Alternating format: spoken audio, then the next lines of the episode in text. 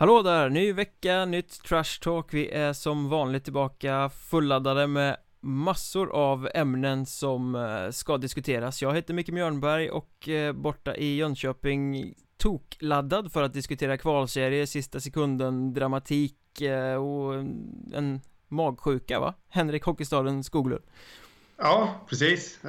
Ja, det råder tydligen lite magsjuka här hemma i i hushållet. Men jag eh, är frisk och kry så att eh, det, jag är bara lite trött. Jag har fått dra ett tungt lass här i, i hushållet idag.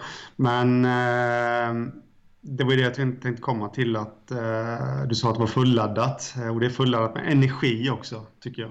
Det kommer bli en magisk podd det här. Förmodligen för det är ju eh, fantastiskt energifullt. Solen har börjat komma fram. Det är så här kvalserieväder som man brukar snacka om och kvalserien är äntligen här. Vi ska snacka om den lite senare, men eh, visst är det fantastiskt att det är ettan och tvåan i båda allettorna som har tagit sig till kvalserien så att det verkligen är de bästa lagen från eh, Hockeyettan som spelar där.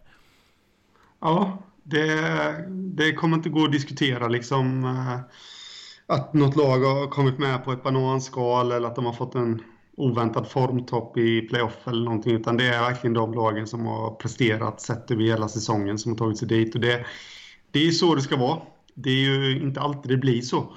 Eh, men nu är det verkligen de bästa lagen som kommer mönstra upp mot eh, eh, Västerås och Södertälje från Hockeyallsvenskan. Ja, det brukar alltid vara någon som har fått en lite enklare resa än någon annan och i tidigare serieupplägg så har det ju hänt att de bästa lagen har faktiskt stött på varandra redan i tidiga playoff-steg så att i år har det blivit riktigt lyckat ettan och tvåan från södra, ettan och tvåan från norra Västerås, Södertälje kommer bli en fantastiskt superhäftig kvalserie Men vi börjar någon helt annanstans idag för strax innan helgen här så kommunicerade ju Hudiksvall ut att eh, Lars Lillis Lövblom som anställdes på ett tvåårskontrakt som tränare inför den här säsongen Han eh, får kicken helt enkelt Blev du eh, förvånad? Eh, ja, både ja och nej. Eh, jag jag, jag, tycker ju inte riktigt att... Eh, jag, jag, tycker att han har gjort ett bra jobb. Eh, alltså Hudiksvall slutade ju där man kanske förväntade sig att de skulle sluta. Och, eh, ja, visst, kommer man se det negativt så har han ju kanske inte då lyft laget förbi det som tränare. Men å andra sidan så har han inte gjort något fiasko heller. Och eh, det, det, kan vara svårt första säsongen också att komma in liksom till ett helt nytt lag. Eh, så jag hade ju gärna sett att han hade fått en säsong två i eh, Hudiksvall. För han är ju en erkänt skicklig tränare och eh, bra på att utveckla spelare också. Och då ja. hade han nog behövt lite tid. Ja, och man kan ju om man ska vara krass när man sammanfattar det här säga att Hudiksvall har ju gjort ungefär vad man kunde förvänta sig att Hudiksvall ska kunna åstadkomma. Man åkte ut i playoff 1 mot ett starkt Asplöven eh, i två jämna matcher dessutom, så det resultatet är väl inte så mycket att orda om egentligen. Eh, det jag tycker är lite lustigt i den här kråksången är om man skärskådar det som ordförande Sven Görgård säger här när han går ut och berättar att Lillis Lövblom är entledigad. För han skrev i ett pressmeddelande att det är inte ett fåtal detaljer utan en helhetsbedömning som ligger bakom att han får gå.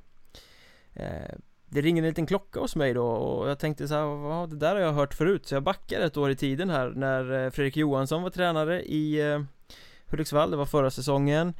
Eh, Mitt under allettan då, när de höll på att spela för att slå sig till ett playoff Då bestämde styrelsen att nej, vi ska inte satsa vidare på Fredrik Johansson nästa säsong. Han ska inte få något nytt kontrakt. Och då kommunicerar de ut det, där och då. Och då lät det i tidningen, samma man, Görgård, uttalar sig. Vi har inte pekat på några enskilda brister. Det är en helhetsbedömning. Så exakt samma ord kommer tillbaka här. Eh, Slump? Eh, nej, det, det är väl något standardformulär 1A de har här på kansliet och langa fram. Eh, jag måste väl säga att det, det ger inte riktigt trovärdighet faktiskt åt, eh, och nu pratar jag inte just om uttalandet utan rent generellt så det ger inte trovärdighet och det, det ger inte sken och stabilitet i föreningen när man håller på att laborera så med trä, tränarna. Dessutom så nu tycker inte jag detta, men, men, om man ser till facit så är det ju Lars Lillis Lövblom en felrekrytering då av Hudiksvall. Då gjorde de inte rätt redan från början när de signade honom på ett tvåårskontrakt och eh, ja, jag vet inte. Det, återigen, jag, jag tror att han hade kunnat bli väldigt bra för Hudiksvall nästa säsong. Men, eh, och det har han varit den här säsongen med. Men det kanske finns andra i den här klubben som måste ta och rannsaka sig själva lite. Jag tror faktiskt snarare så att det är ledningen som ska avgå än att det är tränarna som det är något fel på. För jag kommer ihåg fjolårssäsong, precis, ja. Ja, fjolårssäsongen eh, pratade med Fredrik Johansson efter eh, säsongen och han var ju vansinnig på att de hade gått ut med det där Han var helt okej okay med att inte få fortsatt förtroende men att de kommunicerade det under den allättande laget faktiskt krigade var ju, det var ju ren idioti. Och efter den där säsongen så var det ju många spelare som lämnade och sa saker som att det har hänt mycket konstigt i föreningen och nej, jag och klubben tycker olika så jag kan inte vara kvar här. Och jag vet Magnus Nilsson, den här trotjänare spelaren som har gjort massa säsonger i Hudiksvall och som la karriären på hyllan där. Han har SL-meriter, allsvenska meriter, jag har varit med, har hur mycket som helst att ge och kom och sa att jag kan erbjuda mina tjänster, jag kan bli ledare på något sätt men han var liksom inte aktuell, nej vi vill inte ha dig, typ. Eh, Han rattar för mm. övrigt Söderhamn Ljusne nu i kvalet upp mot ettan, de har gått rätt bra tror jag. Eh, Så det var ju väldigt mycket konstigt som hände där. Och sen så händer det här nu igen när tränaren inte har gjort ett dåligt jobb och det är en helhetsbedömning. Eh, är det oh. några få snubbar som sitter där och inte är nöjda liksom? För ry ryktena nu som cirkulerar är ju att det handlar om mycket svågerpolitik Att det finns folk i klubben som vill att vissa spelare ska spela och eh, när de inte får spela så blir det kinkigt Mm, och det om de ryktena stämmer så är ju inte det någonting som kommer ta Hudiksvall framåt eh, ens nästa säsong, alltså, eller, eller, efter det heller, så länge de personerna är kvar i föreningen. Och, eller att de inte ändrar inställning till det. Och det, det är ju ja, det är anmärkningsvärt faktiskt. Och lite, det ger en liten amatörstämpel. Ja, jag skulle, jag skulle väl säga så här att i, i det här utifrån perspektivet som du och jag kan ta, vi befinner oss ju inte innanför eh, väggarna i Glysishallen där, men min, eh, det är inga små detaljer eller så som gör det här och jag kan inte peka ut några enskilda brister men eh, helhetsbedömningen är att eh, Hudiksvall sköts ganska amatörmässigt och uselt. Ja, du kör som helhetsbedömning där, du med. Det är min Precis samlade helhetsbedömning faktiskt. det är inga enskilda saker där, nej.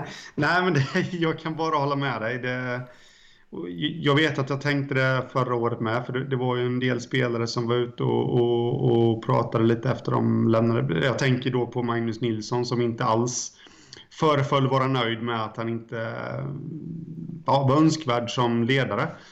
Han var väl skadad om jag minns helt rätt. Du minns helt rätt. La, ja. Eh, det var därför han la av, men eh, sig då att eh, bli ledare och, och, hjälpa klubben. Men det här är en kille som är rutinerad. Eh, draftad av Detroit, spelat borta i Nordamerika, spelat i SHL för Luleå, Malmö, kanske någon mer klubb. Eh, och eh, har mängder med rutin att bjuda på som man kan dela med sig av till yngre killar. Men, eh, jag tyckte att det var konstigt redan där och då. Och jag läste någon intervju med honom och, och han var ju lite, lite smått kritisk till hur klubben sköttes nu. Och, det känns ju som att han har rätt i alla fall. Känns som att det ligger någonting i det. Det kanske inte är glada Hudik längre, det är infekterade Hudik. Ja, precis. Infekterad hud som nu. Ja. Variga Hudik. Nej då. Vi får väl se vad som händer. Om de hittar någon eh, tränare som eh, matchar rätt spelare eller om det är något annat som är problemet där. Men vi kan väl konstatera att det var märkligt att de sparkade Lövblom och eh, förmodligen så var det inte rätt beslut heller och så kan vi stänga boken om det. Ja, just det.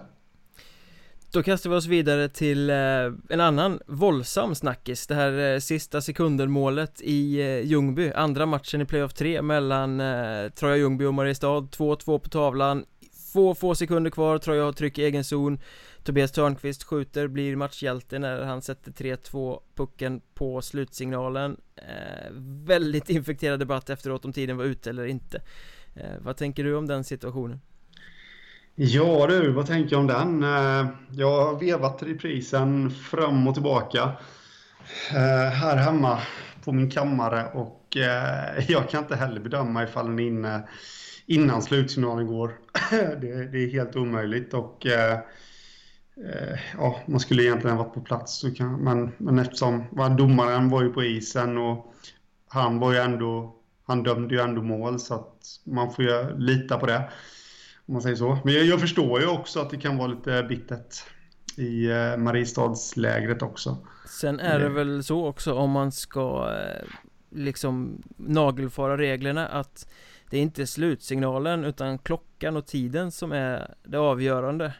Eh, så är det. Så egentligen om domaren har ögonen på klockan så kan det vara tid kvar där någon tiondel innan den tickar över även om signalen går och då är det det som gäller så att säga. Där ska domarteamet ha ett samspel om det och det är svårt att se även i i eh, tv-sändningen eh, för att det inte är helt 100% att klockan som är där synkar med matchklockan heller så att enda mm. sättet att veta om det här var mål eller inte är, var väl att vara på isen eller i alla fall i arenan och ha ögonen på exakt rätt eh, ställen. Samtidigt så, så du och jag kan väl egentligen inte sitta och ta någons parti här för att Mariestad tyckte ju givetvis att pucken var i mål efter att signalen hade gått. Eh, Troja tycker givetvis att den var i mål innan Domaren tog ett beslut och domarens beslut kan inte överklagas. Så att det, I och med att det inte finns några kameror i ettan så är det ju upp till honom att, att bestämma där och då det här var mål Liksom.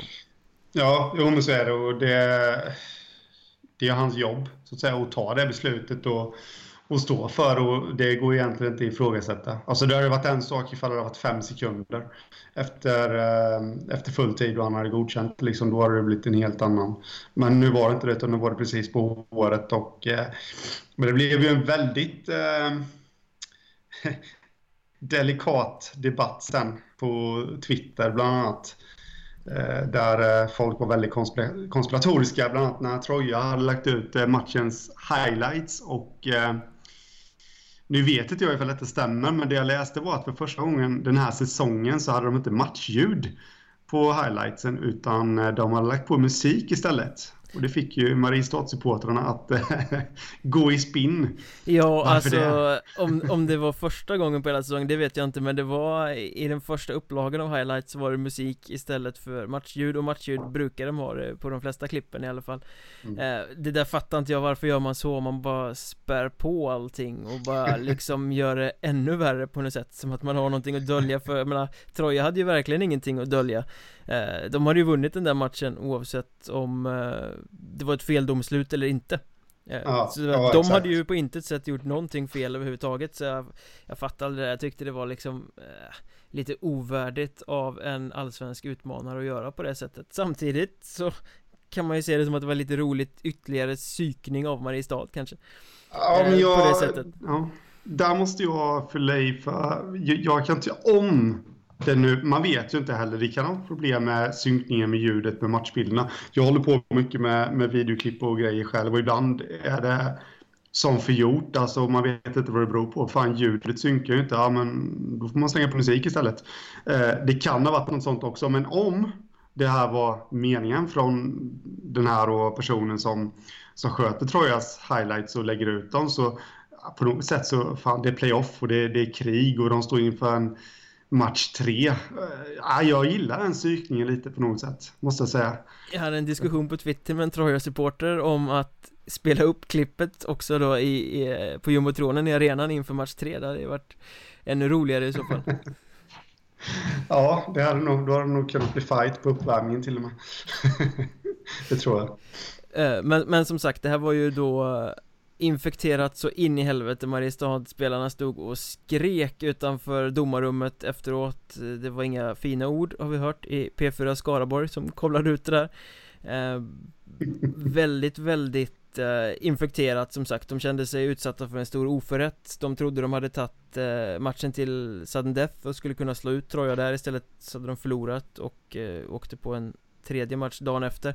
Men jag måste ändå säga att jag är grymt imponerad av hur de tog sig an den eh, situationen, hur de faktiskt eh, kom ut till matchen dagen efter. De skulle kunna vara extremt frustrerade över det som har hänt kvällen innan mot domaren som var samma domare på isen igen. Men de kom ut väldigt fokuserade, inte irriterade, inte frustrerade.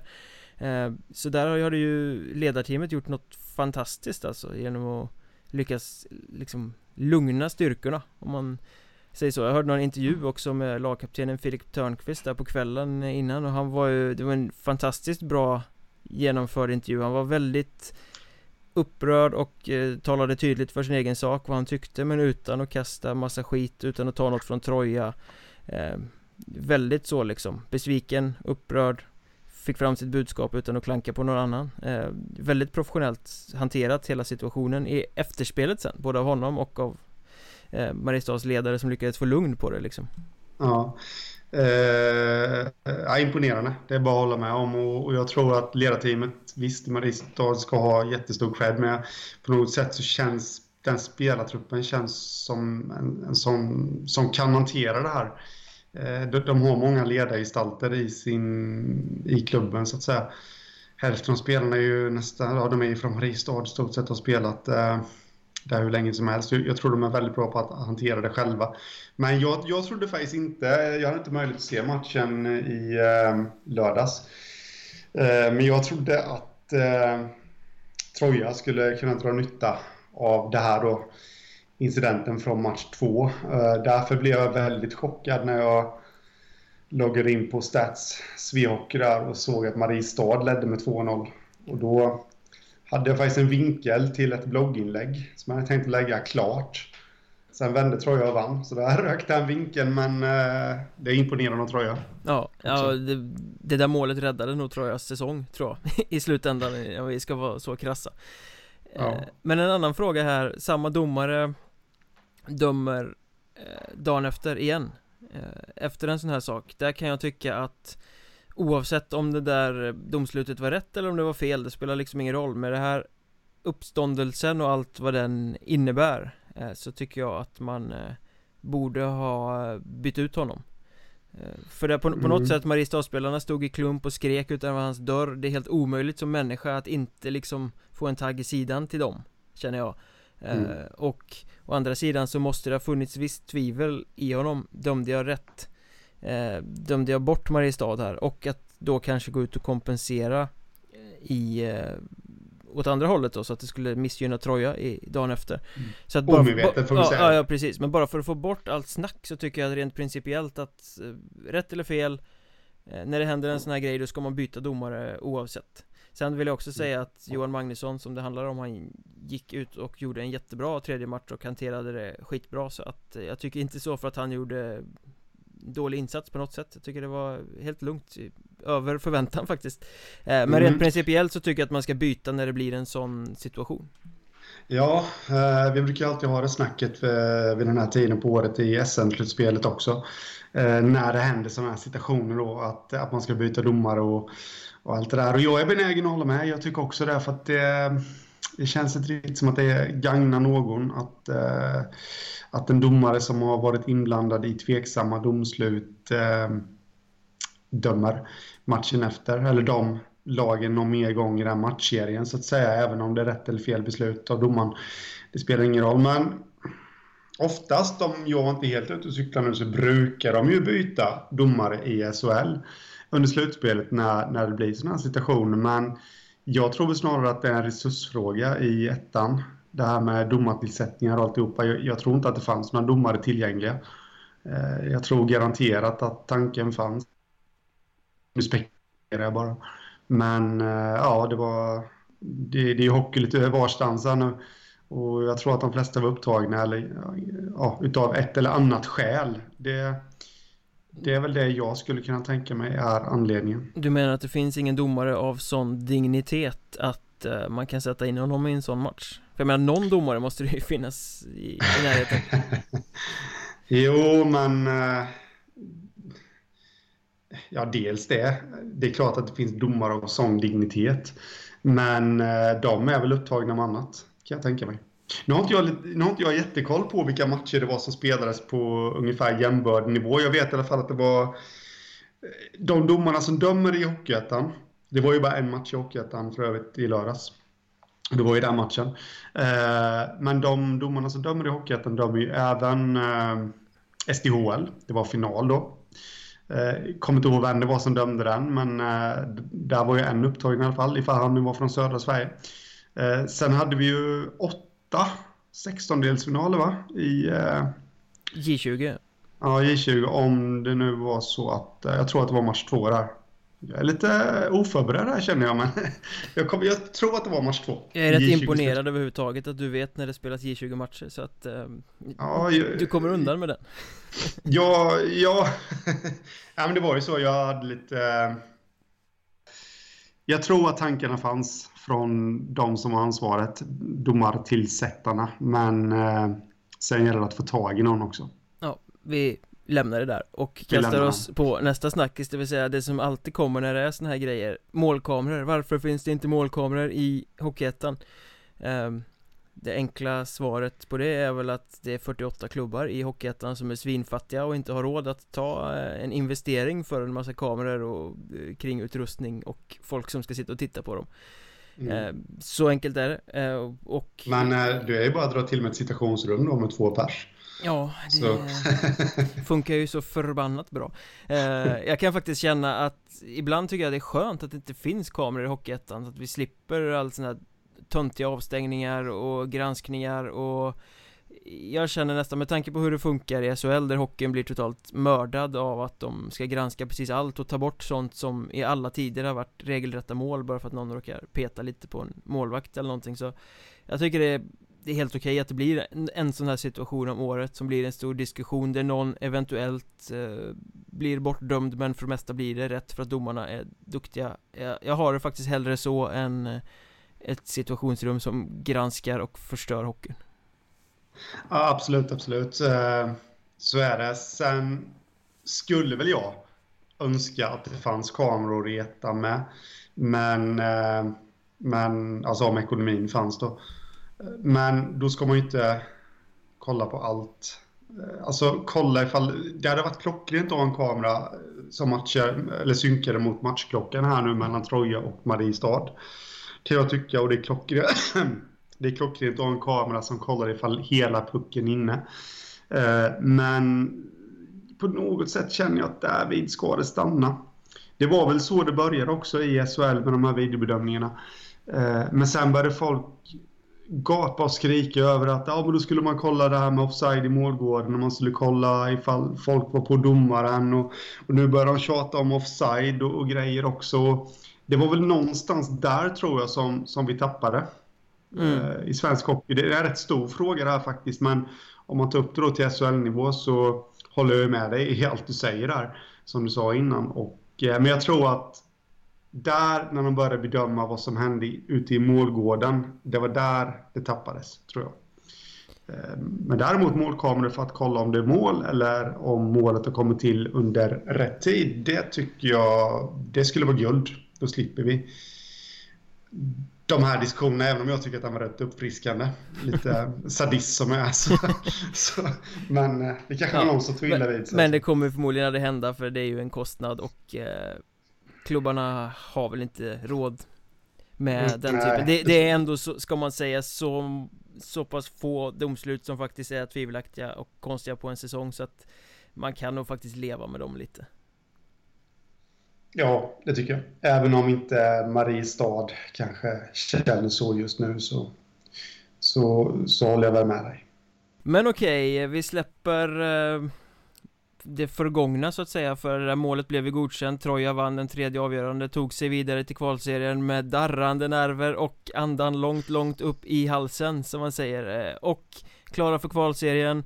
Börjar på torsdag. Huddinge tar emot Kristianstad. Södertälje tar emot Västerås. Troja Ljungby tar emot Visby Roma och Henrik Hockeystaden Skoglund Frisk från magsjuka i eh, Jönköping säger vad?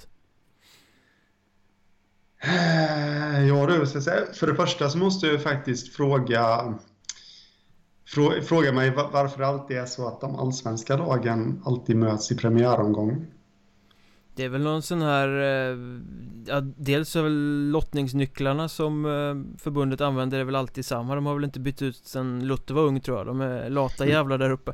Eh, Men jag tror det har någonting med att göra att det ska vara samma förutsättningar. De har väntat lika länge sen serien slutade och Hockeyettan-lagen har varit igång med olika playoff hit och dit och hejsan tjosan. Så att Det är nog mest en sån grej. Mm. Även om jag kan tycka att det kanske vore skönt för dem att öppna med varsitt lite sämre lag inom citationstecken eh, Från mm. Hockeyettan i premiären De ska ju vara båda på hemmaplan då givetvis Ja ja precis. Uh, ja, nej, men det har varit lite mer intressant som man hade kommit in i det direkt. Å andra sidan så blir det ju en liten twist också att något av de allsvenska lagen kommer ju troligtvis uh, ha med sig noll poäng efter den första matchen. Uh, då blir det ju genast lite delikat så att säga. Fråga Södertälje om de tyckte att det var roligt med en liten twist för två säsonger sedan när de åkte ur. här sitter jag och skrattar. Nej, det är klart att de inte gjorde det. Men för oss som sitter bredvid och, och kollar så är det ju självklart lite intrikat så att säga. Jag kommer inte ens ihåg vad din fråga var här nu. som du kastade ut till mig. Ja, ja, jag tror bara jag ville att du skulle säga något så att jag själv fick tänka så att eh, eh, det var nog ganska oblodigt men, men som jag sa i inledningen av podden det är ändå de bästa lagen från ettan som har tagit sig dit i och med att det är eh, två, alltså ettan och tvåan från allettan södra och allettan norra och samtidigt så känns det som att det är två allsvenska lag som var beredda när de gick in i säsongen att det kunde bli så här det är liksom inga lag som är helt oförberedda så det känns ju som att det är två ganska starka allsvenska lag som kommer ner om man ser ur den aspekten också. Ja, uh, det tycker jag med. Faktiskt.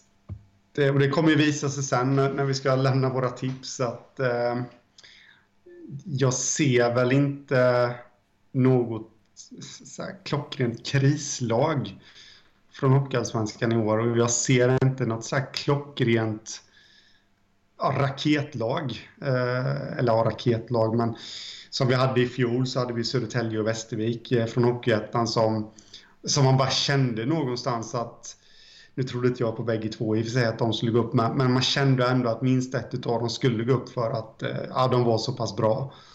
Eh, men det har ju spetsat till sig lite här nu. Det har ju rest lite frågetecken för bland annat Troja då, tycker jag. Mm, ja, jo. som jag var helt övertygad om skulle gå upp.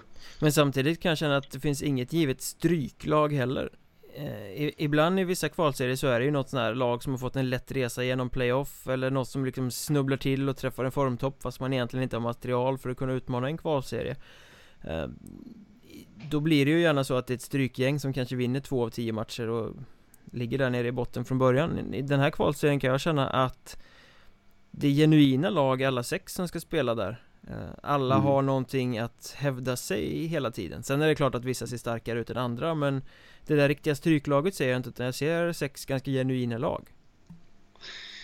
Ja, jag säger inte emot dig och, och det borgar väl för att det kommer bli en eh, jämn kvalserie som kanske om vi har lite tur kommer leva ända in i slutomgången. Ja, vi får ju hoppas på det. Sen, sen mm. tycker jag att det är extra roligt med den här kvalserien också att det finns hur många släkten är värst som helst. Eh, det mm. finns en massa stories med spelare som har bytt mellan de här klubbarna både förr och även under den här säsongen som gör att det finns nog många som har en liten tagg i sidan och vill vinna extra mycket mot vissa lag för sådana historier spetsar ju också till det lite Ja absolut och det rubriksättarna. Det kommer ju fira julafton varje dag. Nu. Känns det som liksom, släkten var värst i Kristianstad och släkten var värst på, i Visby och ja, men överallt. Och i Björkängshallen och i Södertälje och ja. Eh, ja, men vi, vi, kan ju bara rabbla upp ett gäng av de här. Till exempel så hade vi Marcus Lisseng som är kanske Huddinges bästa back nu. Han inledde säsongen i Södertälje men eh, ledsnade på det där. Om det berodde på Mats Valtin-styret eller något annat ska vi väl låta vara osagt Men eh, han sket i det, bröt kontraktet, flyttade hem, började spela för Huddinge. Eh, Han lyssnade. I, Och dessutom så Björn Jonasson som kanske är en av Huddinges bästa forwards den här eh, säsongen. Han började ju säsongen i Södertälje på en tryout, försökte slå sig in, fick inget kontrakt. Eh, mm. Båda de vill ju säkert väldigt gärna slå Södertälje Ja, det tror jag absolut. det råder det nog inget tvivel om. Eh, och, och dessutom så har vi ju eh, Andersson där i Södertälje. Viktor Andersson. Ja, som ju gjorde massa säsonger i Huddinge och öste in poäng och liksom mm. eh, har synts i Björkängshallen i stort sett, inte varje gång, det vet jag inte, men varje gång jag har varit och kollat på Huddinge år så har han varit där och kollat på Huddinge också. Men ska nu möta dem med Södertälje, dessutom som en av Södertäljes bästa anfallare skulle jag säga. Eh, kul story det också. Ja, ja precis. Ja, men det, ja, det är härligt sånt där med släkten är värst. Och det finns ju andra lag också. Det vet jag att du har järnkoll på. Ja, jag menar Kommer du ihåg Simon Karlsson som eh, plock, plockades in till eh, Södertälje inför den här säsongen Hade väl haft eh, Körtelfeber eller vad var det? Det var någon sån här eh, Sjukdom som höll ja. honom borta eh, Från när han skulle spela med HV där um, Ja, i två år Precis, kom in i Södertälje Fick oförklarligt sparken av Mats Valtin Det är väl fortfarande jävligt oklart vad som hände där. Han var ändå en av de bättre backarna i en jävligt svag backuppsättning. Mm. Han spelar i Västerås nu och tillhör deras eh, viktiga backar. Ja, han, det, det, ja, en av de bästa i det laget. Ja, och eh, om jag inte minns helt fel så var det väl även han som satte kvitteringen i den här uh, sista allsvenska omgången när Björklöven och Västerås gjorde upp. Ja, var väldigt eh, nära att rädda eh, ja, Västerås kvar i allsvenskan redan där. Ja, precis. Och då vet jag, då tänkte jag faktiskt det där att eh, honom hade Södertälje velat ha kvar. Men sen hjälpte det inte ändå för Västerås. Men det kanske blir något liknande här nu i, eh, i kvalserien. Västerås, ja, Västerås har ju eh, Marcus Bergman också som inledde försäsongen i Huddinge Som han spelade med hela förra säsongen. Mm. och jag vet att Fredrik Mellberg, jag snackade med honom på försäsongen Han tänkte sig Bergman som en av de fysiska murbräckorna i laget som skulle gå före lite sådär. Eh, Nu får de möta honom mm. istället. Också kul twist. Ja, precis. Twistigt. Axel Blomqvist då? Han är ju liksom eh, tre, tre och en halv, om vi räknar in Lisseng, Jonasson, eh, Karlsson och så Blomqvist Då blir det ju, för Lisseng bröt ju själv Men då har vi tre och en halv ratade av Södertälje under säsongen För Axel Blomqvist spelar ju i Kristianstad Ja, sen... Eh, jo, men det är väl klart att han är revanschsugen. Han, han gjorde ju inga större avtryck i eh, Södertälje. Eh, och det var ju därför han fick gå. Han har inte gjort något större avtryck i Kristianstad heller. Tycker jag. Nej, jag är eh, enig där faktiskt. Uh, och han var inte så länge i Södertälje, så, men, men någon slags revanschlusta borde det rimligtvis brinna hos honom också. När uh, Kristianstad och Södertälje möts. Det tror jag absolut. Uh, och det är ju redan i omgång två för övrigt. Om det är nästa lördag eller söndag. Därvid nästa lördag till och med. Så att, eller nu på lördag rättare sagt. Att, I Skåne va? Ja, i Kristianstad. Så att och de möttes ju även i playoff 3 var det va, förra säsongen. Så det kan ju vara lite revanschläge för Kristianstad. Väldigt mycket ju... revanschläge för Kristianstad faktiskt. Uh, men det finns ju mer, om man tittar med Södertälje-perspektiv finns det ju mer sånt i Kristianstad också. Tom Flodqvist är ju en av deras bästa anfallare. Han har ju Södertälje som moderklubb. Uh, ja. Om jag inte är helt ute och cyklar och sen det ännu roligare med Erik Backman, uh, backen där. Uh, han kommer ju från Södertälje från början, jag tror han fostrades där Men han har ju mött SSK, det här blir tredje säsongen, eller så här, tredje kvalserien i rad Som han möter Södertälje. Han har ju varit i Västervik de två tidigare säsongerna. Mm. um, Också en lustig sån där liksom hur det kan bli när alla rör på sig i, i Hockeysverige. Ja, ja hockeyvärlden är liten. Och det Ska man um Ska man eh, se något positivt med det hela, för nu pratar vi om en massa spelare som har lämnat Södertälje. Och så kan vara revanschsugna, men ska, ska man se något positivt med det så är det ändå på något sätt känner jag spelare som eh, antingen är fostrade i Södertälje. Och det tyder på att då, de har gjort ett bra jobb. Eller att de har på något sätt ändå ja, förädlat dem, vissa av dem i alla fall. Eh, det kanske är fel ord i och för sig tanke på Södertälje spel. Jag tror att alla förstår lite vad jag menar. Ja, jag förstår precis vad du menar faktiskt. uh, I Kristianstad har de ju också Fredrik Lindblom, han har väl också, om inte jag är helt ute och cyklar, någon form av Södertälje förflutet. Uh, kommer väl därifrån trakten någonstans, tror jag. Uh, och både han och Acke Ringström i Kristianstad har ju spelat playoff med Visby Mm. Så de här kopplingarna bara fortsätter åt alla möjliga håll Kristoffer eh, Lindholm har väl moderklubb Huddinge Han är ju en av eh, Kristianstads viktigare anfallare nu också mm. Ja det finns en massa sådana här kopplingar och, och, mycket riktigt som du säger Lindblom är från Järna som ligger strax utanför Södertälje det är väl det där berömda mackstoppet tror jag. De har väl någon mack där i Järna tror jag som man, som man gärna stannar vid. Har de det? Är det den man måste köra av och köra en bit bort? Ja, I så fall jag tror jag att jag har köpt uh, spolarvätska där en gång. När jag skulle Från Om det är den, jag är helt oklart men det finns en mack där någonstans strax efter Södertälje där man på väg från Stockholm till Skavsta. Eh, Och eh, insåg slut på spolarvätska, jävligt grisig vinterväg Körde in där och hamnade i kö där vi var fem eller sex stycken män som alla stod med varsin dunk färdigblandad spolarvätska Vardagsbetraktelser Som man säger där. Nej, jag, jag tror faktiskt att det är den macken. Den, har även fått påhälsning av mig. Jag handlade dock inte spolarvätska. Det var kaffe som gällde. Du är mer förutseende och har spolarväska med dig när du åker ut på motorvägen kanske? Mm, ja, det ska vi väl kanske inte säga, men det var torrt väglag den dagen. Så det, det, har hänt vid andra tillfällen att jag har fått göra sådana panikinköp kan jag säga, så jag ska inte slå mig för, för bröstet härvid. Visby då, eh, också SSK-koppling Andreas Gröndal, en av deras eh, vassare forwards, kommer från Södertälje mm. Och snackar vi Micke Adamsson som är en annan av deras vassaste forwards, moderklubb Västerås Oskar Lundberg, deras kanske allra bästa forwards Fostrad Västerås Jag kan fortsätta så här mm. i all evighet, de har ju Mattias Sundberg där också i i Visby som eh, senast Huddinge Jag tror det var senast Huddinge spelade i kvalserien så hade de den här superlinen med Måns Kryger och Niklas Heinerö som väl numera är i AIK tror jag eh, mm. Och Mattias Sundberg som har öst in poäng Han spelar mm. med Visby nu mm. Ja, precis, det stämmer. Ja, men det, det finns ju, ja, som vi var inne på innan, det finns gott om revanschlägen och Västerås har ju en del spelare då som har... Sa du Wahlberg förresten? Emil Wahlberg? Nej, det sa jag inte.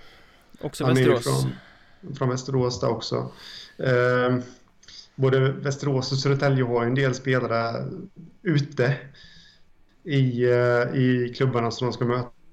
Lurigt läge jag känner ändå för de här när de ska stöta på de här spelarna. För de lär ju absolut garanterat vilja göra sina bästa matcher under säsongen i ja, de två mötena mot, som det blir då, mot sin gamla klubb när ja. det gäller så ofantligt mycket. Och hur revanschsugen är inte Niklas Lehmann till exempel som lämnade Huddinge för Troja inför den här säsongen och fick spö i Hockeyettan-finalen av sitt gamla lag? Mm. Mm. Tog en klunk vatten där för att fundera lite över hur, nej, men han måste ju vara ofantligt revanschsugen också liksom. Och jag kan tänka mig utan att jag har koll på utan att jag känner honom på något sätt, men jag kan tänka mig att det har kommit en hel del gliringar. Han har ju ändå spelat i Huddinge rätt länge. Att han har fått höra det, att han torskar i finalen också. Så det, det är skönt för honom att få chans till revansch. Ja, frågan är hur de där lagen kommer tackla varandra nu när de liksom ska mötas igen i kvalserien. De här matcherna som gick spelar ju ingen roll alls nu i och med att båda gick till kvalserien.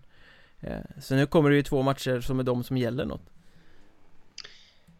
Ja, så är det ju. Och eh, samtidigt så... Vi var inne på det förra veckan också. Jag, med facit i hand så, så tog ju inte Troja det här allt för hårt då. Även fast det verkade som det i, i eh, ja, vad blir det? I, två, I en match och 59 minuter i alla fall. Så verkade det som att det hade satt sina spår, finalen med Huddinge Men på något sätt känner jag ändå att jag tror Huddinge har ett litet, litet mentalt övertag där. Fan, en final. Den kallas ju för final, Hockeyettan-finalen. Det vill man ju ändå vinna liksom. Uh, slippa det här. Lur, ska vi säga lite in i framtiden så tror jag faktiskt att att vinna Hockeyettan-finalen kommer bli lite, lite viktigare nu nästa säsong tror jag att lagen kommer tänka för de såg hur svårt. Troja hade det i playoff 3 Ja, de stod ju verkligen och darrade på gränsen till fiasko där mot Mariestad som ju mm. bet ifrån förmodligen bättre än vad alla i Troja hade trott. Ja, absolut. Och de eh, Nej, absolut, det var imponerande faktiskt av Mariestad, måste vi säga. Eh, Men med det sagt så jag tror ändå att Huddinge har ett litet mentalt övertag på Troja.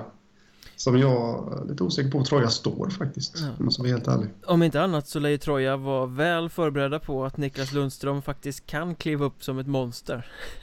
Ja. Inför kvalseriematcherna. Han var ju brutalt bra i eh, Hockeyettan-finalen, men det kan jag också känna med den här kvalserien. Jag har sagt att jag har väldigt stora förväntningar på den, att jag gillar lagsammansättningen i den. Jag tycker också att en så här bra målvaktsuppställning som den här kvalserien har vet du fan om en eh, kvalserie har haft någon gång liksom. Det är ju lysande keepers i alla lagen här. Eh, du, mm. du och jag har ju den här stående Robin Johansson eller Joel Gistet i en direkt avgörande match Det vill säga Robin Johansson i Troja eller Joel Gistet i Kristianstad. Och Den kommer vi få lite ett svar på nu mm. I kvalserien mm. um, Henrik Lundberg har gjort en lysande säsong i Västerås Alexander Salin har ju varit helt jävla superfantastisk i Södertälje uh, Sami Gustafsson uh, Har ju gått från klarhet till klarhet i Visby så att Alla lag här har ju lysande första målvakter Ja, absolut. Eh, och även fullt kompatibla andremålvakter också. Eh, finns det ju i vissa av lagen också liksom som jag tänker framförallt på, på Troja som har eh, Johan Nielsen bakom. Som eh, kan gå in och sno matcher också. Mark eh, Marcus Dahlbom i Västerås är inte helt kassan ja. heller. Nej, han, absolut inte. Eh, så det, det finns ja, det, det, är välbeställt på målvaktssidan faktiskt och eh, det känns som att vi kommer få både läsa och höra om många matchvinnarmålvakter under den här kvalserien har jag en känsla av. Och ifall du och jag får välja varsin här, alltså vem vi allra helst skulle eh, ställa i våran kasse, ja, ja då vet ju alla att jag väljer Robin Johansson och du väljer Joel Gistet om vi måste välja mellan dem Men om vi får välja mellan alla i den här kvalserien så är jag helt övertygad om att vi kommer välja exakt samma snubbe det tror jag med, så uh, jag kan väl säga förnamnet då. Då säger jag Alexander. Salin. Ja. Han kan ensam hålla SSK kvar i Hockeyallsvenskan om han är på det humöret. Mm. Och det tror jag väl att han kommer vara nu, när, när det gäller som mest så att säga. Och, och han, eh, han känns som en sån kille som kan leverera när det gäller som mest också. Liksom, eh, och verkligen rädda sitt lag. Så ja, utav alla målvakter, fantastiska målvakter i den här kvalserien så, så skulle jag utan att tveka välja Alexander Salin med Joel Gistedt som backup. Men eh, vad säger du, ska vi ta och eh, tippa den här kvalserien? Försöka slå våra kloka är väl kanske fel ord att använda men mm. eh, vimsigt, fantastiskt, eh, genialiskt tänkande halvhjärnor kan vi kalla det. Ihop så blir det som en hel och så får vi ett facit till hur kvalserien kommer sluta. Eh, mm. Jag har en känsla av att vi nog inte tänker helt lika faktiskt. Nej, det känns som det. Jag har fått lite vibbar Ja, du är väl om inte annat eh, mer osäker på Troja än vad jag är om jag har förstått saken rätt. Men eh, vi får väl se. Vi, vi släpper det löst och så kastar vi oss på en eh, sjätte plats och försöker motivera Vilka kommer sist i eh, den här kvalserien utan att vara ett strykgäng då? Ja, exakt. Jag tror vi är rätt överens där. Jag har kanske det största kvalserielaget av alla på något sätt. Eh, jag vet att du håller med mig där med, som kan spela den typen av hockey eh, och som kanske kan hantera det bäst. Men eh, Visby sätter jag på plats nummer sex. Gotland alltså. Även om det hade mm. varit kul att ha ett allsvenskt lag på Gotland så är jag benägen att hålla med dig helt och hållet. Jag tror precis som du att Visby kommer komma sist. Vilket är lite paradoxalt för som du säger Visby är det lag i den här kvalserien som faktiskt spelar mest likt eh, det man brukar kalla kvalserie i hockey, Det vill säga väldigt starkt defensivt Enormt hög arbetskapacitet Kan kämpa sig till segrarna. Mm. Och en matchvinnarmålvakt också I Samuel Gustafsson där Som kan sno matcher om spelet inte skulle funka. Eh, men eh, Ja, jag, jag, vet inte hur din motivering till den här sjätteplatsen lyder, men jag motiverar det hela med att de har kämpat och slitit så många år nu för att eh, ta sig till kvalserien. Eh, I år lyckades det. Ja, det här var femte gången på sju år sedan de var i playoff 3. Ja. Och det är första gången de faktiskt passerade steget. Ja. Eh, på något sätt, lite baserat på att de har många som har spelat länge i truppen också. Och på något sätt så känner jag att yes, vi gjorde det. Eh, men nu är det, och det här är mina ord då, nu, nu är det nog förbi tror jag. För på något sätt känner jag att de, de, de har nått målet. de har satt upp. Och det kan bli svårt att ladda upp igen, om man säger ladda om igen för att ta sig an nya utmaningar. Jag tror de har varit så fokuserade på att det här playoffspelet nu. Eh, så spekulerar jag. Jag tycker väl att eh, just det här att de är ett lag där alla har spelat ihop ganska länge och så Det är faktiskt en styrka när man går in här för att de vet exakt vad som krävs i alla situationer. De har varit igenom väldigt många olika situationer tillsammans som lag och de krigar för varandra och det har växt hela den här säsongen på något sätt. Så att det tycker jag är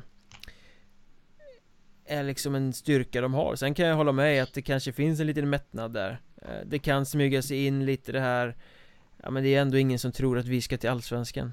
Eh, Vi har klarat mm. vårt stora mål för den här säsongen. Vi har tagit oss till kvalserien. Eh, Allt annat är ju en skrällmodell större om vi skulle komma topp två. Smyger sig lite sådana tankar in Framförallt då om det blir lite däng i början.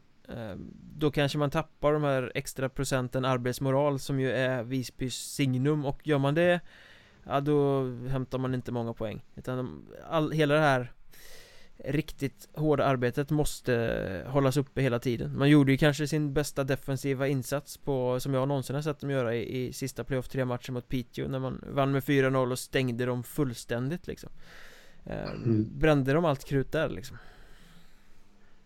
Ja, eh, det vet vi inte ifall de gjorde men eh, jag sitter och, och, tänker lite på premiäromgången eh, Visby har Troja borta det är en drömpremiär för dem i och för sig med tanke på hur Troja har mm. hackat Ja äh, Ja, exakt. Jag tänker på precis det du sa där att äh, får de en taskig start, Visby, då, då kan det hända att det är sådana här lite mättnadskänslor och sånt smyger sig in. Äh, men å andra sidan så har de världens guldläge och kunna snå åt sig poäng också. Då kanske det blir helt annat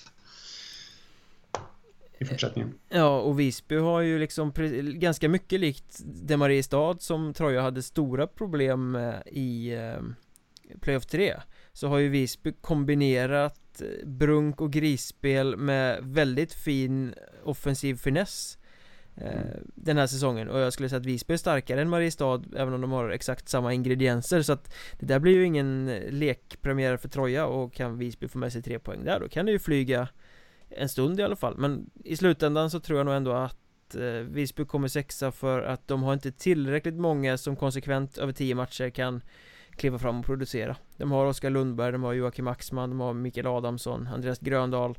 De har några vattenbärare där bakom som kan blixtra till men inte varje kväll i en så här tät kvalserie. Nej, agree.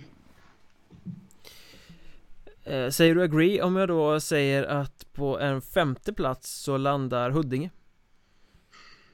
Nej, det håller jag faktiskt inte med. Inte? Uh, nej, uh, jag, jag, tror inte det. Nej, Huddinge är svårt ja. alltså. Jag skulle säga att Huddinge kan komma allt från trea till femma. Uh, väldigt eh, svårbedömt, väldigt öppet eh, Tror att det hänger väldigt, väldigt mycket på att de får utdelning i början och att de får en bra start på den här serien. Eh, Men jag tror nog ändå att det landar på femteplatsen för Huddinge i, i slutändan faktiskt. Ja, nej, jag, jag tror de äh, Jag tycker de har gått som Tåget är väl fel att säga men eh, efter jul, men nästan på i alla fall jag tror de kommer placeras lite högre. Men eh, jag har inte dem på en femteplats som säkert alla har förstått nu. Utan jag har Kristianstad. Okej, okay. ja. Mm. Uh, ska jag motivera, jag kan motivera du ditt Kristianstad så motiverar, motiverar jag mitt Huddinge sen. Ja, ja, ja, just ja. Här är jag framfusig. Jag motiverar Kristianstad med att eh, det är egentligen lite tankar jag har haft eh, från start av säsongen. Att eh, eh jag ser det här eh, och jag tror att Kristianstad ser det också så. Även fast målet på något sätt har varit allsvenskan i år så tror jag ändå att de har en... De ska ett tvåårskontrakt med Mats Lust. Eh, jag tror att de har en tvåårsplan för det här. Det är väldigt, väldigt sällan ett lag bara tar sig till kvalserien för första gången. För likt Visby så är det här första gången för Kristianstad också. Eh, och de har strandat långt in på säsongen men, men inte nått hela vägen fram.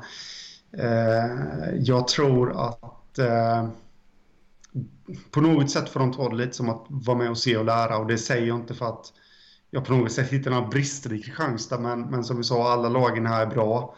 Och här, här är det nog lite kvalserierutin som kommer spela in också och eh, jag tror att Kristianstad kommer sluta femma. Och sen fick jag en liten, liten vibb här också efter Kristianstad hade slått ut Vimmerby.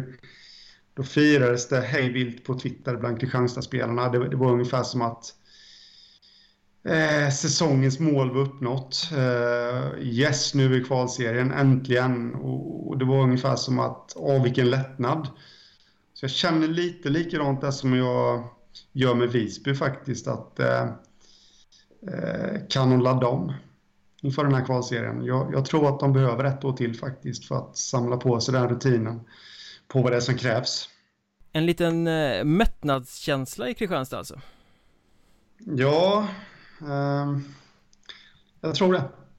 Lite, det kändes lite som det. När man, som jag sa där, att eh, det kändes som säsongsmålet var avklarat. Och, eh, Eh, jag tror ju helt klart att hade jag, utan att för den saken skulle utmåla mig som någon slags expert i ämnet, men hade jag varit lagbyggare och ansvarig för Kristianstad. Eh, Kristianstads målsättning att ta sig upp till allsvenskan så hade jag lagt upp en tvåårsplan för det. Och, eh, de har gjort ett fantastiskt år ett, men eh, jag tror att de behöver ett år två också. För att, och det tror jag gagnar hela föreningen. För att gör de lika bra säsong nästa säsong också, då kommer de vara än mer redo för Hockeyallsvenskan sen. De har väl någon form av målsättning att det är nästa säsong de ska ta klivet upp i, i någon form av sån här plan? Ja, jag tror det. Eh, faktiskt. Eh, vilket jag tycker är helt sunt. Eh, I och med att de gjorde om så pass mycket inför säsongen som var så tycker jag att det är helt sunt. Och plus att de inte har varit i, allsv eller, i allsvenskan, i kvalserien tidigare heller. Eh, så det är nästa år det gäller, men de kommer samla på sig oerhört värdefull rutin i den här kvalserien. Jag eh, håller med i stora delar i ditt resonemang faktiskt. Jag tror säkert att det kan finnas en viss mättnad och att eh, just det här, de har, visserligen har de ju många spelare som eh, har spelat kvalserien i andra lag kanske tidigare, men eh, ja, jag har dem lite längre upp faktiskt. Jag tror mm. att eh, det ändå eller jag chansar ska jag säga på att det blir Huddinge som kommer här på femteplatsen. Och jag känner att de kom ju upp jäkligt bra defensivt mot eh, Troja Ljungby. Eh, Deras stora styrka är offensiven, det är liksom där de har sin bästa spets. Men de slet, de var i skottlinje, de krigade, de försvarade sig dyngbra i Hockeyettan-finalen mot Troja Ljungby Trots att det var Troja som ägde mestadels av spelet, framförallt på sin egen hemmaplan. Eh, jag är lite tveksam till att Huddinge kan komma upp i den grymma försvarsinsatsen tio gånger till.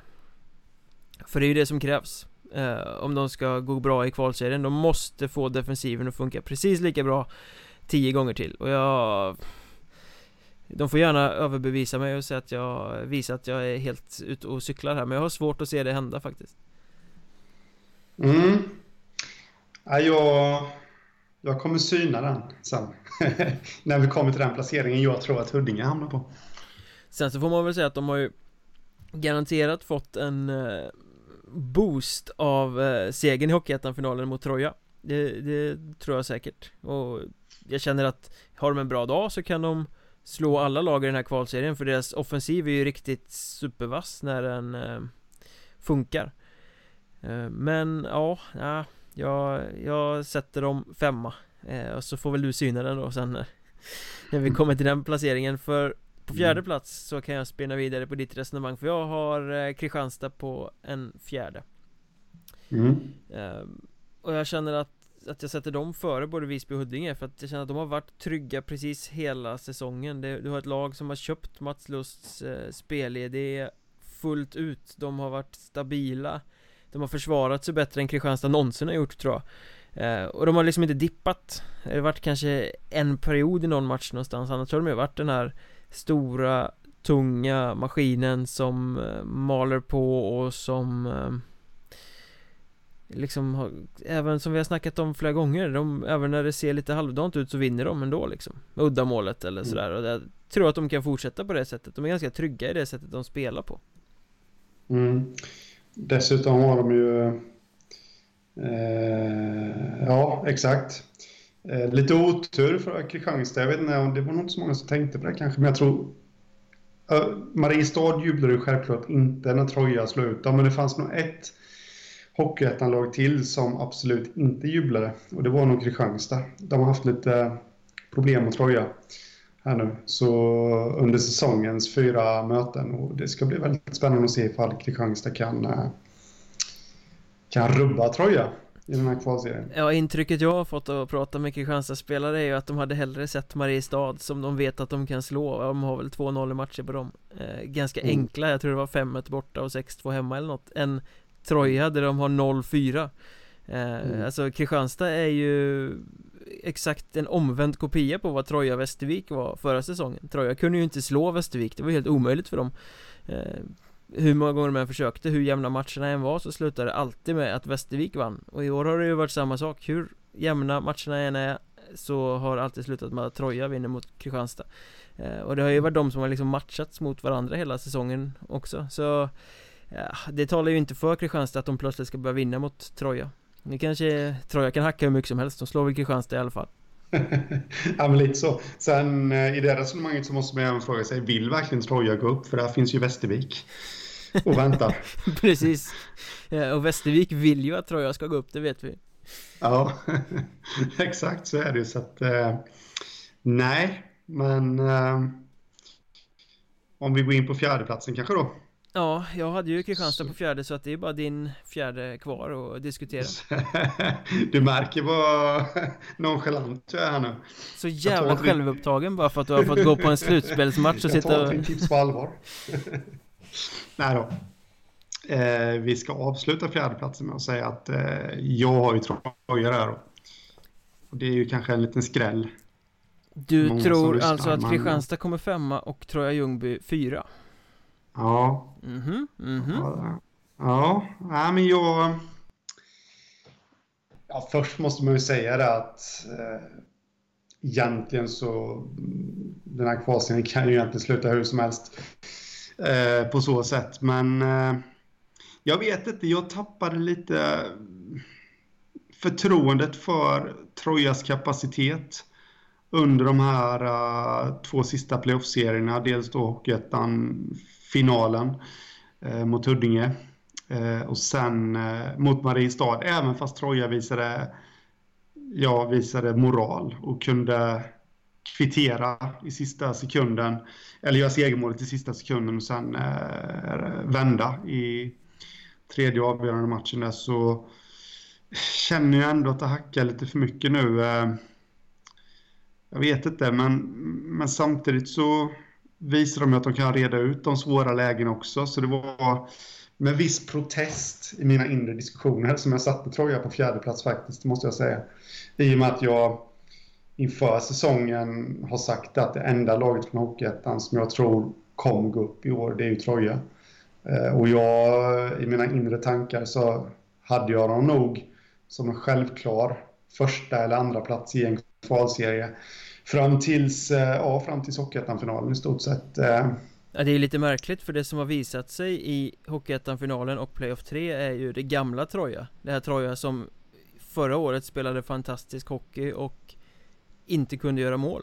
Det här har varit lite samma sak nu, de har ägt mycket spel, de har ägt mycket puck, de har tryckt på Men de har inte brutit något mönster och när eh, lagen har lärt sig hur man försvarar mot Pelle Svenssons maskin som man har byggt där Då har de inget, ingen plan B de har inget sätt att bryta det där mönstret. Och det kom tillbaka lite i playoff. Eh, Trots massa spetsspelare Så blev det väldigt lite mål. Ja. Och bara uddamålssegrar mot Mariestad där 3-2, 3-2 till exempel. Och Satt ju jäkligt hårt åt, lyckades inte vinna mot uh, Huddinge på hemmaplan trots två matcher, alltså Puckarna har inte trillat dit och det har, det är inte otur bara, det är inte bara stolpe ut liksom utan det är ju någon form av oskicklighet i, i att dyrka upp försvarande lag. Mm, och det måste vi säga också att de möter ju fem andra lag som har bra försvar. Det, vi var ju lite, eller jag i alla fall, var lite tveksam till Huddinges försvar eh, när vi snackade upp eh, Hockeyettan-finalen eh, mot just Troja, men de visade ju att de kunde absolut stå pall eh, Och eh, nu har Troja ja, fyra gäng till då, förutom Huddinge, att, eh, som också har rätt bra försvar på den här nivån. Liksom. Ehm, eller bra målvakter. Så de ska överlista. Så att, äh, därför tror jag att eh, tror jag kommer sluta på en fjärde plats vilket... Å andra sidan, om man får skjuta in det så har ju Troja uppenbarligen haft problem när de själva måste driva matcherna Nu ska de möta ett gäng andra lag som också gärna är med och styr och ställer och, och vill liksom äga spel. Jag tror att en anledning till att de har haft så lätt mot Kristianstad är att Kristianstad också vill äga spelet, också vill driva matchen och då får Troja hjälp liksom. De behöver mm. inte stånga mot ett uppställt försvar, de behöver inte vara det enda laget som försöker kreera fullt ut. Eh, Jag tror kanske det kan tala till deras fördel rent av. Ja, absolut. Det köper jag rakt av. Eh, David faktiskt, men eh, men där, jag har också tänkt de banorna, men där väger jag på något ändå nu, nu, nu blir det fullständigt kaos här. Där väger jag ändå på något sätt in eh, det faktum att de har hackat lite.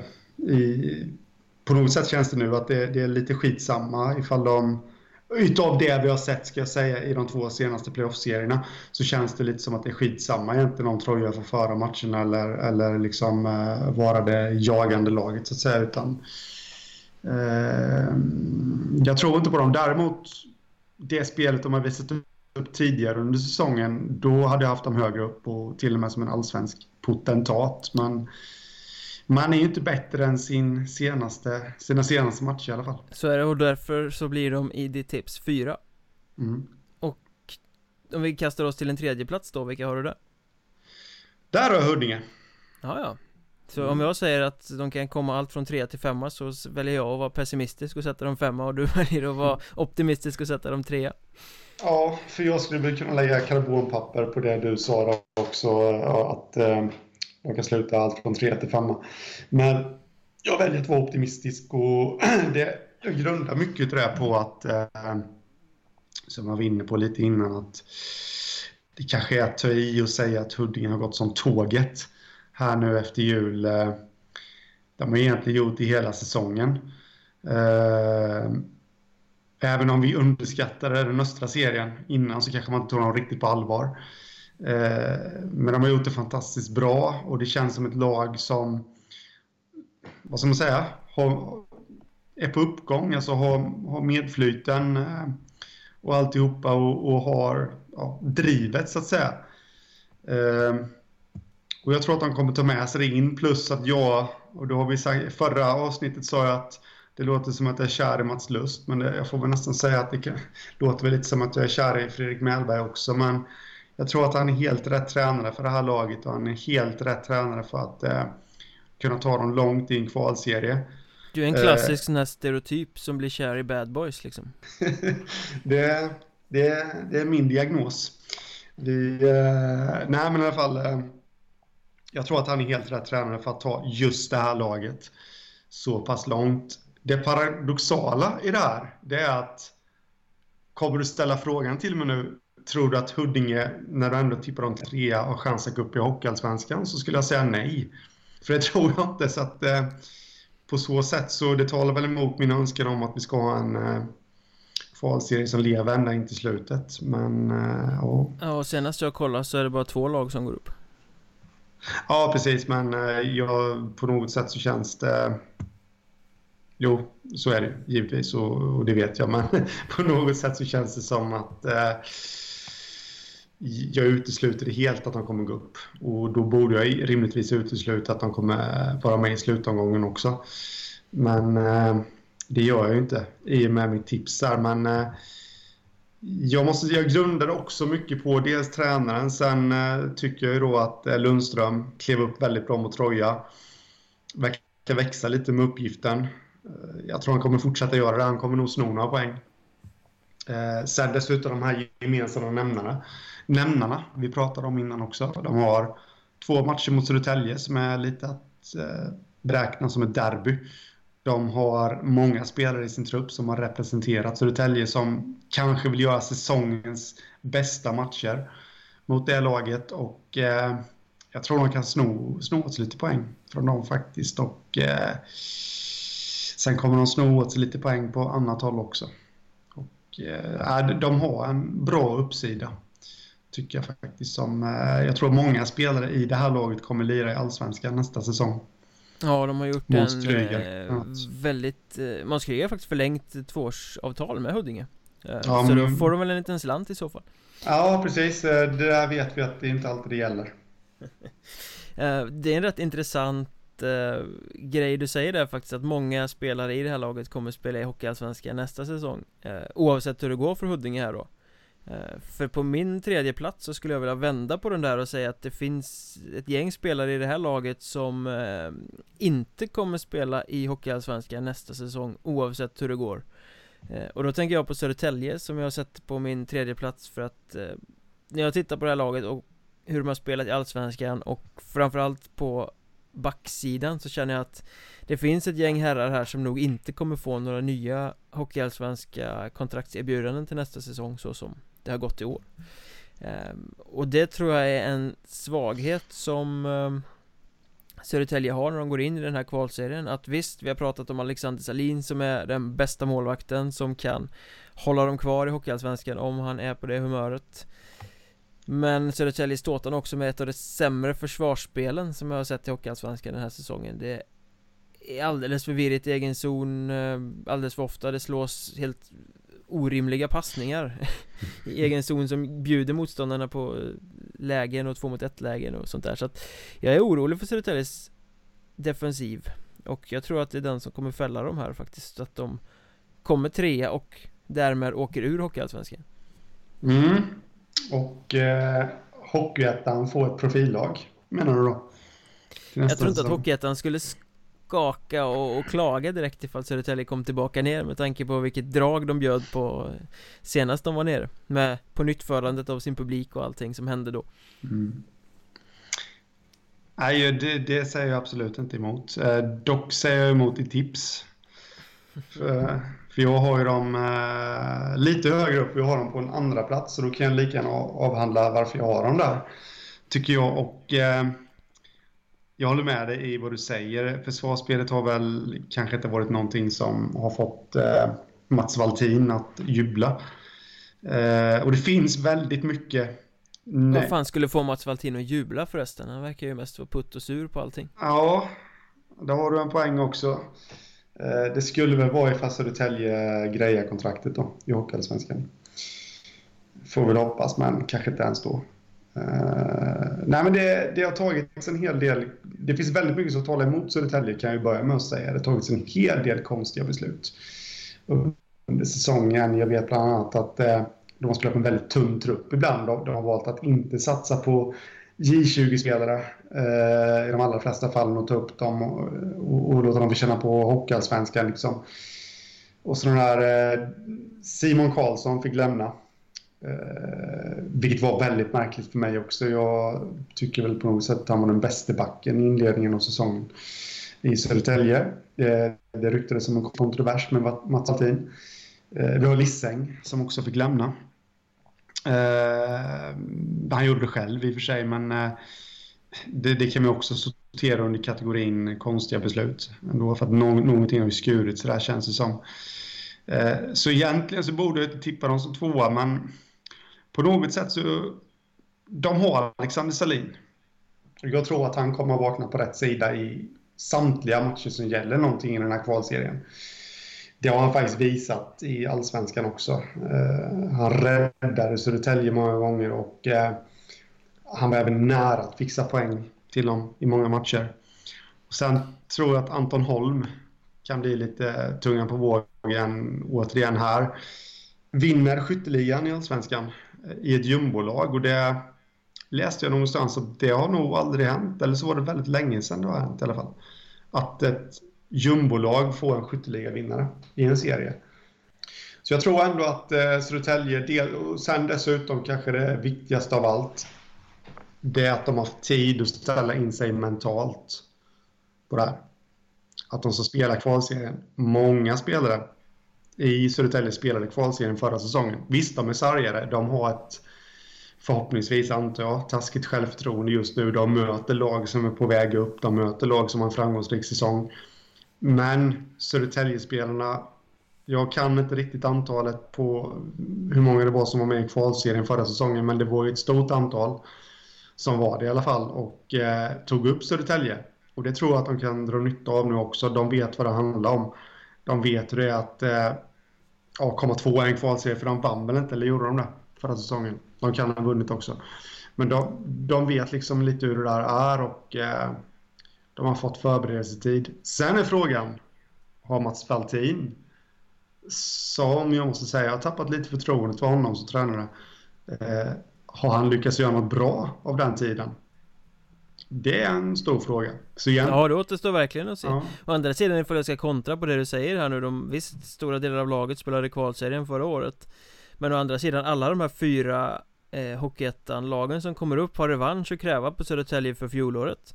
Huddinge och Visby från eh, respektive grundserier och allettor eh, Kristianstad för eh, playoff-spelet, playoff 3 där de blev utslagna och Troja Ljungby för kvalserien. Mm.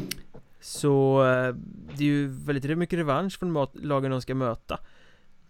Jag vill också stoppa in det faktumet här att de har ju varit klappkass på hemmaplan. De har ju varit mm. sämst i Hockeyallsvenskan på att spela på hemmaplan. Och i kvalserien brukar man ju säga att det är livsviktigt att vinna sina hemmamatcher Eh, hur ska de hantera det? Och sen visst, de har mycket offensiv spets De har ett rätt trevligt spel i anfallsord att titta på men Har de ett kvalseriespel? Har det här laget verkligen det i sig med de spelarna de har att plocka fram det här, det som Visby har, det som är liksom Den extrema arbetsmoralen varje kväll Har Södertälje verkligen det? Jag vet inte, jag är jag, jag känner som så att Det brukar alltid vara ett Hockeyettan-lag som går upp och ska något av eh, lagen åka ur här, Södertälje eller eh, Västerås, då är det Södertälje. Ja, eh, så, se... så motiverar jag den saken. Jo, men ska man se det så eh, Och så då hade jag också Då hade jag också plockat bort Södertälje om det hade varit så att det på förhand hade varit givet att eh, Ja men Henrik, du vet att ett lag från ettan kommer gå upp och ett lag från allsvenskan kommer stanna. Men vilket lag från allsvenskan plockar du bort? Ja, men då hade det varit Södertälje utan tvekan. Eh, för som jag sa, det finns massvis med frågetecken kring Södertälje. Eh, och, eh, men som du var inne på där innan, då har de ett kvalseriespel? Nej, men det är lite där förberedelsetiden kommer in. Vad har Mats, Mats Valtin gjort av det här? Jag, jag vet inte riktigt när det var väl i och för sig i slutomgångarna de blev helt kvalserieklara men de har ju ändå i praktiken varit Ja det var ganska ja. länge som det var klart liksom. Så, så att, eh, vad har Mats Valtin eh, filat på för upplägg? För det måste, det måste de ha gjort eh, länge Planerat inför kvalserien. Jag tror det kan vara en nackdel också att de börjar hemma mot Västerås Alltså, eh, de har varit klappkass hemma, det hade varit bättre för dem att börja borta och kanske få med sig någon poäng från en svår bortamatch istället för att åka på däng 0-4 hemma i De har ju förlorat, jag tror det var 0-4 första gången de mötte Västerås hemma i serien till exempel att, mm. fan, Vad händer mentalt här ifall Västerås kommer och vinner i Scania-rinken på torsdag? Ja Det är också ett utav alla de här frågetecknen uh...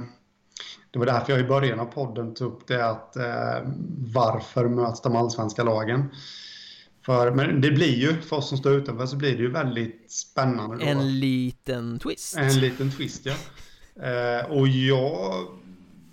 Nu brukar vi inte tippa enskilda matcher, förutom i playoffspel i och för sig då, men eh, vi brukar inte göra det i serier, men om jag får ta mig friheten att tippa den här matchen så skulle jag säga att Västerås kommer vinna premiären på bortaplan mot Södertälje med 90% säkerhet. Det tror jag. Men jag tror ändå att Södertälje, om de är förberedda på rätt sätt av Mats Valtin, vilket jag också ställer mig tveksam till, ska jag säga. Men ifall de är det så kommer de ändå reda upp det. Men med det sagt så är ju min tvåa kvar eftersom du har Södertälje där på andra plats har vi eh, förstått efter det här resonemanget uh, mm. Jag har Troja som tvåa mm. uh, Och det bygger väl jag egentligen mer på det jag har sagt hela säsongen och det jag har sett hela säsongen än det som jag såg i Playoff 3 och i Hockeyettan-finalen för jag håller med dig Det har inte varit samma Troja, det har inte varit det här imponerande Troja Det har inte varit en målskjutande Troja, det har varit ett Troja som har varit lite skräckslaget, taget av stundens allvar och blivit trubbigt av den anledningen. Men Som jag sa förut eh, Nu kommer de inte behöva föra helt och hållet. Andra lag kommer att vilja Ta del av den varan så att säga och det kommer gynna Troja. Plus att jag tror att De var nere för räkning, de stod på knä med pistolen i pannan liksom och de redde ut det och tog sig vidare till kvalserien. De undvek det här episka fiaskot som det hade varit att åka ut i playoff 3 och Det måste ge en brutal eh, moralboost liksom Att eh, klara ut det där. Jag sa efter första matchen eh, i Mariestad när de hade förlorat med 2-1 i sadden att Det finns två scenarier här. Antingen åker de ut mot Mariestad och eh, gör ett jättefiasko eller så reder de ut den här stormen och gör de det, då går de upp. Eh, och det tror jag faktiskt att mm. det här kommer ge Troja en sån enorm boost att de kommer komma in som ett lite nytt lag i den här kvalserien och eh, kunna ta steget upp i, i Hockeyallsvenskan som ju tredje gången gilt nu. De, de satsar för tredje året i Hockeyettan liksom. Mm. Ja, det är inte omöjligt. Svarar jag på det. Eh, jag har ju dock min åsikt klara, men eh, å andra sidan det är ju egentligen bara att hålla med dig i. Eh, jag grundar det på det de har presterat på slutet. Men hade jag grundat det på hela säsongen så hade jag förmodligen haft dem högre upp än min fjärde plats För att de har ju kapaciteten i laget. Ja, sen är det ju också sådär liksom att eh, Spetsspelarna måste börja leverera. Eh, Att Flash kommer komma till jobbet, att Tobias Törnqvist kommer komma till jobbet Att Trucken Karlsson kommer komma till jobbet Det vet vi, det gör de dag ut och dag in Men nu gäller det att spetsspelarna gör det också. Sista matchen mot Mariestad nu var Stefan Söder och Sebastian Benke väldigt bra Tyckte jag men mm. fortfarande väldigt många andra som inte gör ett skit liksom Var är mm. Tor Immo någonstans? Var är Niklas Lehmann någonstans? Varför åker Johan Andersson bara runt och filmar? Ja, det är liksom Eh, mm. Många fler måste kliva fram om Troja ska bli framgångsrika men på något sätt så tror jag att de kuggar i här. Mm. Plus då ja. 4-0 mot Kristianstad så att de har ju kanske sex givna poäng att åka och hämta där. Ja, precis. Eh, lite mentalt övertag där och eh, det ska bli väldigt spännande. Jag skulle ju trots min, min tippning så skulle jag inte bli överraskad heller. ifall de tar andra platsen. Jävligt ovisst på något sätt. Ja det enda vi kan vara överens om är ju egentligen att Visby kommer sist och att som folk har räknat ut nu Västerås kommer först. Ja. Låt oss höra um... en motivering till uh, första Västerås positionen där Eh, Ja Motiveringen är att eh, jag tycker ändå Västerås har visat gott gry, om man kan säga så. Eh, den avslutande tiden på Hockeyallsvenskan, de, de stod för bra insatser, de vann mycket. Det räckte inte hela vägen. Eh, de förlorade sista matchen där, eller om det blev... Jag kommer inte ihåg hur premisserna var nu, men det var väl att Björklöven var tvungna att vinna mot Västerås. Och, och det gjorde, gjorde mål när det bara var sekunder kvar. Och, eh, eh ja, det var ju det Västerås åkte ner till kval för då, men på något sätt känner jag att de har inte, de har inte laget för att åka ur och de, de har ändå tagit sig upp från någonting eh, och gjort någonting bra av säsongen, hur konstigt den kan låta när ett lag går till negativ kval. Eh, sen finns ju givetvis en nackdel också då med att torska den här sista matchen och eh, åka ner till ett negativt kval. Eh, det, ja, det kan börja spridas panik och grejer. Och, men å andra sidan så har de fått vänta rätt länge nu också. Ja, de har ju haft 20 uh, dagar att landa liksom. Det ja, blir inte det här, ja, oh fan vi, vi hamnar i kval, det hade vi tänkt undvika och nu börjar de tre dagar. Ja. Ah, ja. men så, där, liksom, så har det ju kanske varit i andra situationer men här har de ju haft tid att landa, de har haft tid att studera de andra lagen De var och tittade på Hockeyettan-finalen, fann en hel delegation från Västerås. Eh, De har liksom hunnit träna, de har kunnat läka skavanker det, ja, Matchform. Har de kanske tappat lite, mm. så 20 dagar är rätt lång tid och inte spela match men det där, den där chocken som man pratar om, oh fan vi hamnar i kval Den har jag svårt att se att hur den ska kunna påverka Västerås i det här mm. läget Precis, och då och då å andra sidan så kan de ju tappa det där med som de, som jag sa att de, de kommer ändå Det låter jättekonstigt där, men de kommer ändå från något negativt. De har ryckt upp sig. Eh, tyvärr för Västerås del så räckte det inte för att undvika kval, men, men kan de bara ta med sig det, ta med sig den känslan så, så då, ska, då ska liksom inte det här vara några problem för dem. Jag har väldigt svårt att se att Västerås åker ur faktiskt. Eh, det skulle vara total härd, härdsmälta i sådana fall. Ja, jag är nästan beredd att säga att den största motståndaren som Västerås har i den här kvalserien det är ju sig själva. Det är ju bara mm. det mentala om de lyckas sätta någon form av krokben för sig själva liksom För jag håller med dig, de spelade bra på slutet Jag såg många Västerås-matcher där jag tycker att de Spelade en hockey som är liksom så här, De kan omöjligt åka ur om de spelar så här. Visst, de var ineffektiva Det kan man ju inte missa. Eh, De borde ha gjort mycket, mycket mer, mer mål på det sättet de spelar än vad de faktiskt gjorde Men nu är det ändå Hockeyettan-motstånd. Det ska vara lite sämre i alla fall om du tittar ner i tredje, fjärde kedjorna. Eh, kommer få lite klarare lägen eh, Och har en nivå i laget för att klara av det här Jag tror ja, att Västerås är, liksom, de gick in med en budgetsatsning till den här säsongen De gick in med, de hade den ekonomiska krisen förra säsongen De visste att det skulle bli en tuffare säsong liksom. Så de var ju mer förberedda på det här än vad Björklöven kanske hade varit. Mm. Eh, så jag vet inte om Västerås lider jättemycket av att Av att ha hamnat i det här på något sätt. Jag känner, Nej. jag kan vaja en liten uh, Liten varningsflagga för dem. Jag, jag är inte helt säker på att Christer Olsson är en tränare och verkligen hålla i när det blåser. Uh, Jag har svårt att motivera den men jag har den känslan om man tittar på tränarna som står i de andra båsen. Uh, Mike Beharrell i Visby, Mellberg i Huddinge, Pelle Svensson i Troja och Lust i Kristianstad. Jag tycker att ettanlagen har mer förtroendeingivande tränare än vad hockeyallsvenska lagen har faktiskt. Eh, Men ja, äh. Spe, Spelarmaterialmässigt, äh, Västerås ska ju klara detta Ja, absolut och sen, sen Stefan Gråns hur jävla kul är det att möta honom i en kvalserie? Han är en ultimat du, du kvalseriespelare faktiskt Vad sa du nu? Han är ultimat kvalseriespelare faktiskt Ja, absolut Det är ju, sen, sen känner jag liksom en sån kille som Niklas Lihagen som eh, har för vana att spela upp lag och sen inte få vara kvar. Nu, nu ska han spela kvar ett lag i en serie men, men liksom han har ju ändå den här kvalrutinen från, från mängder av år. Eh, liksom, och det är ju guld värt för Västerås. Ja men de har ju mm. allt här liksom Du, du ja. pratade om eh, kvalrutinen där men sen har Grån som du nämnde är rutinerad pjäs Fredrik Johansson eh, Kulturbäraren rutinerad pjäs. De har brunkare där också i Marcus Bergman, Jonte Berg De här som verkligen kan kriga. De har spetsen om du kollar på typ eh, Frycklund eller Kristoffer Fisch. Lukas Zetterberg har ju ett fantastiskt skott. Eddie Davidsson mm. är en bra center liksom så att De har ju alla delar, de har rutin, de har brunk, de har spets, de, ja Det är väl kanske försvaret som kan darra lite eventuellt men eh, Då har de ju Henrik Lundberg. Ja, precis och sen har de ju kanske en eventuell superjoker Jag vet inte riktigt hur status är om han verkligen kommer spela från start eller inte Men Marcus Persson som öste in mål för Tingsryd förra säsongen eh, Har ju bommat hela den här säsongen på grund av skada Men kan eventuellt vara på väg tillbaka om jag har förstått saken rätt. Och där har de ju liksom en sniper som kan avgöra några matcher på egen hand också.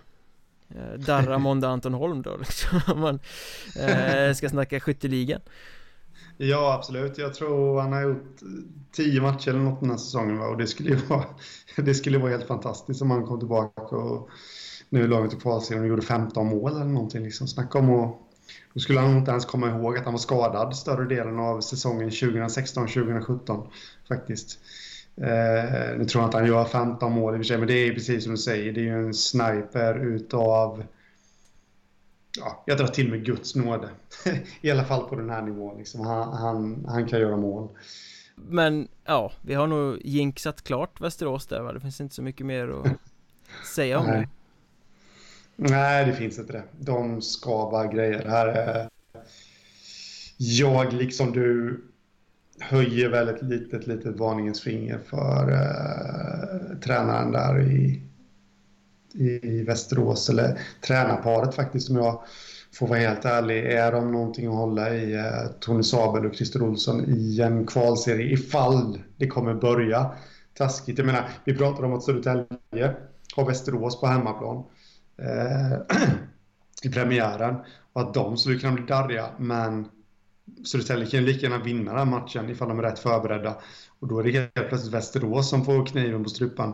Eh, vad har firma Olsson och Sabel för motmedel på det då? Det ska faktiskt bli väldigt intressant att följa. Extremt intressant faktiskt, men jag hävdar Västerås hänger kvar i Hockeyallsvenskan Troja Ljungby gör om sällskap Västervik jublar och är överlyckliga nästa säsong Ja eh, Om man då ska nämna Västervik så visst, de välkomnar väl Troja upp men vill de inte bli av med Västerås så blir de de enda vikarna också i Allsvenskan Riktiga vik och fejkvik, jag vet inte riktigt vilka som är vilka där faktiskt. Nej, det, Västerås är ju vik och eh, Västervik är ju VS om man ser på förkortningarna under matcherna. Då förstår jag att de vill ha bort Västerås så att de kan få bli vik för väs var ju inte så hemskt vackert kanske. Men eh, den där Nej, den där... det är ju en orm. Sirväs Heter han va? Sirväs ja, ja. Jajamän. Och med den filosofiska Robin Hood-passningen så stänger vi boken för idag. Säger att ni hittar oss på Twitter, att Mjornberg, att Hockeystaden, att Mjornbergpodd som är poddens eh, officiella konto. Mjörnbergs Trash Talk på Facebook Mjornberg.se för nyheter, intervjuer, Hockeystaden.se för fantastiska känsloyttringar och åsikter och nästa vecka får vi nog nästan snacka lite Givetvis om den här kvalserien men även om kvalet uppåt. Jag får 58 mm. frågor varje dag om hur fan det funkar så att vi kanske måste reda ut det där på något sätt. Men ja. inte den här gången. Vi säger eh, tack och hej och så hörs vi nästa vecka. Det gör vi absolut. Ha det gött. Det är samma. Tja. Tja